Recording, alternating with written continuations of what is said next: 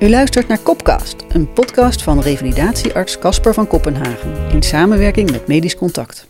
In 14 afleveringen neemt Casper u mee in het relaas van zijn eigen revalidatie.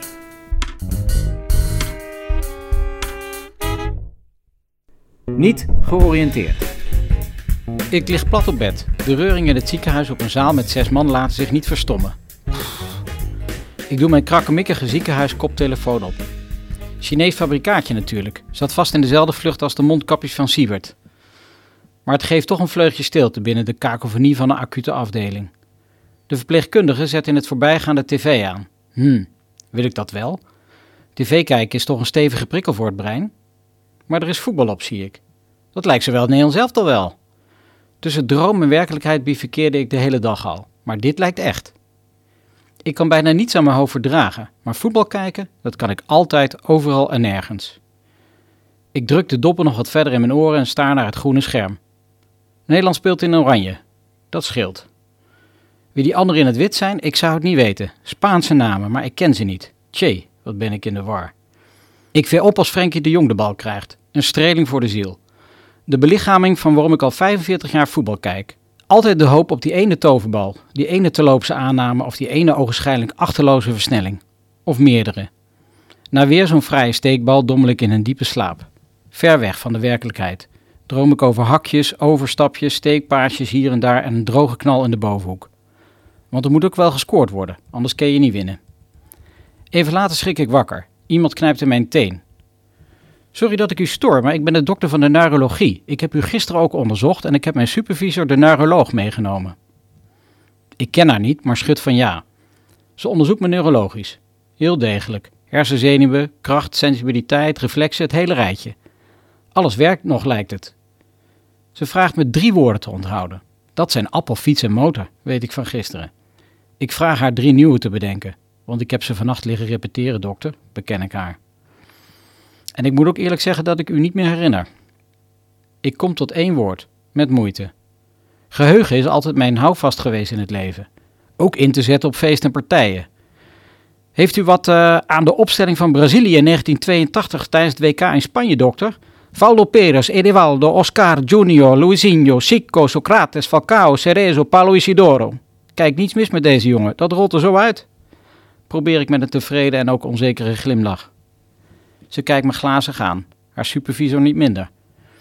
Ik kan natuurlijk niet controleren of het klopt, maar dat is uw lange termijn geheugen, meneer.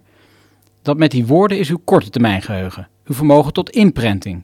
En die is sinds de val fors gestoord, doseert ze. Ik knik en schrik, maar herstel snel. Um, doet u de goedemorgen aan mijn collega van de revidatie, Henk en Klaas. Wie zegt u? Henk en Klaas? Ken ik niet. Ik ken wel Wieteke en Paulien van de revalidatie. Hm? Maar ben ik dan niet in het Groene Waterziekenhuis? Nee, u bent in medisch centrum Hoogplat. Hm, weet u eigenlijk welke dag het is? Dinsdag. Nee, het is donderdag. Weet u de maand? Ik kijk vlug naar buiten. Blaadjes van de bomen druilerig weer. September toch? Nee, het is november. 12 om precies te zijn. En weg zijn ze. Ze komen laat en gaan weer snel, zei de overbuurman gisteren nog. Ik zucht en doe mijn ogen dicht. Niet georiënteerd in tijd, plaats en persoon. Niet georiënteerd in tijd, plaats en persoon. Oriëntatie min, P min, P min, galmt deze zin nog na. Hoe vaak heb ik dat niet opgeschreven in iemands patiëntenstatus? Deze zin, nu pingpongen door mijn getormenteerde brein. Ook een uur later ben ik nog niet georiënteerd, als de verpleegkundige mij ondervraagt op haar ronde. Tranen springen in mijn ogen. Wat een eenzaamheid hier. Kan iemand mij even wat houvast geven? Gisteren was ik nog de getapte jongen. Wat? Vorige week leidde ik nog zonder moeite een discussie online voor de beroepsvereniging. En nu? Nu ben ik een zonderling. Zal de COVID ook al zijn dat ik me ver verwijderd voel van wie dan ook? Bezoek is nauwelijks welkom en iedereen heeft een mondkap op. Na de controles op de zaal komt dezelfde zuster even zitten. Ik heb net uw vrouw gesproken. Mag u een handjes meeknijpen met zo'n topper? Niet van haar stuk te krijgen, zeg. Jullie hebben samen al het nodige doorstaan, begreep ik. Dankjewel, dat weet ik, zuster. Een rots in mijn deinende branding. Kan zich druk maken om de kleinste dingen, maar als de shit really de fan hits, is ze zo stabiel als een huis. Kansloos ben ik zonder haar. Echt kansloos. Ja, dat zie je meteen. Maar goed, hoe is het? iPhone al in de hand, zie ik? Verrek, ja, ik heb mijn iPhone in mijn hand. Ik weet niet waarom eigenlijk. Zou ik mijn WhatsApp en mail net gecheckt hebben? Dat moet dan haast wel. Ik sta naar het scherm. Vier nieuwe berichten poppen op. En uh, morgen de laptop open lijkt me? Ik sta maar wat. Uh, waarom niet eigenlijk? Ik denk in uren nog.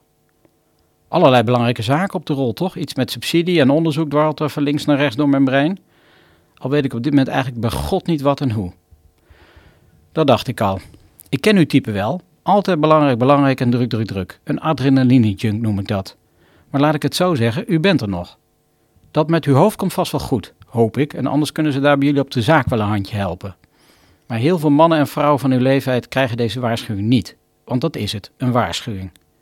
En dan is het patsboom over en weg. En is dat zoals u in het leven staat? Uw vrouw vertelde net een deel van uw levensverhaal. U heeft al genoeg verlies geleden, lijkt me. Maar al het gewerk, dat is toch niet waar het over gaat? Hmm. Niet iedereen krijgt een waarschuwing. Ja maar, ja maar, denk ik. Kansloos. Ook bij deze vrouw. Er is geen ja maar. Hoogstens een tegelijkertijd, maar ook die is ongepast. Ik ben er nog. Het was een waarschuwing, maar wel een hele duidelijke dan. Dan komt haar hand op mijn onderarm en ik zwijg. Niet zeggen nu, ik kom u de les niet lezen.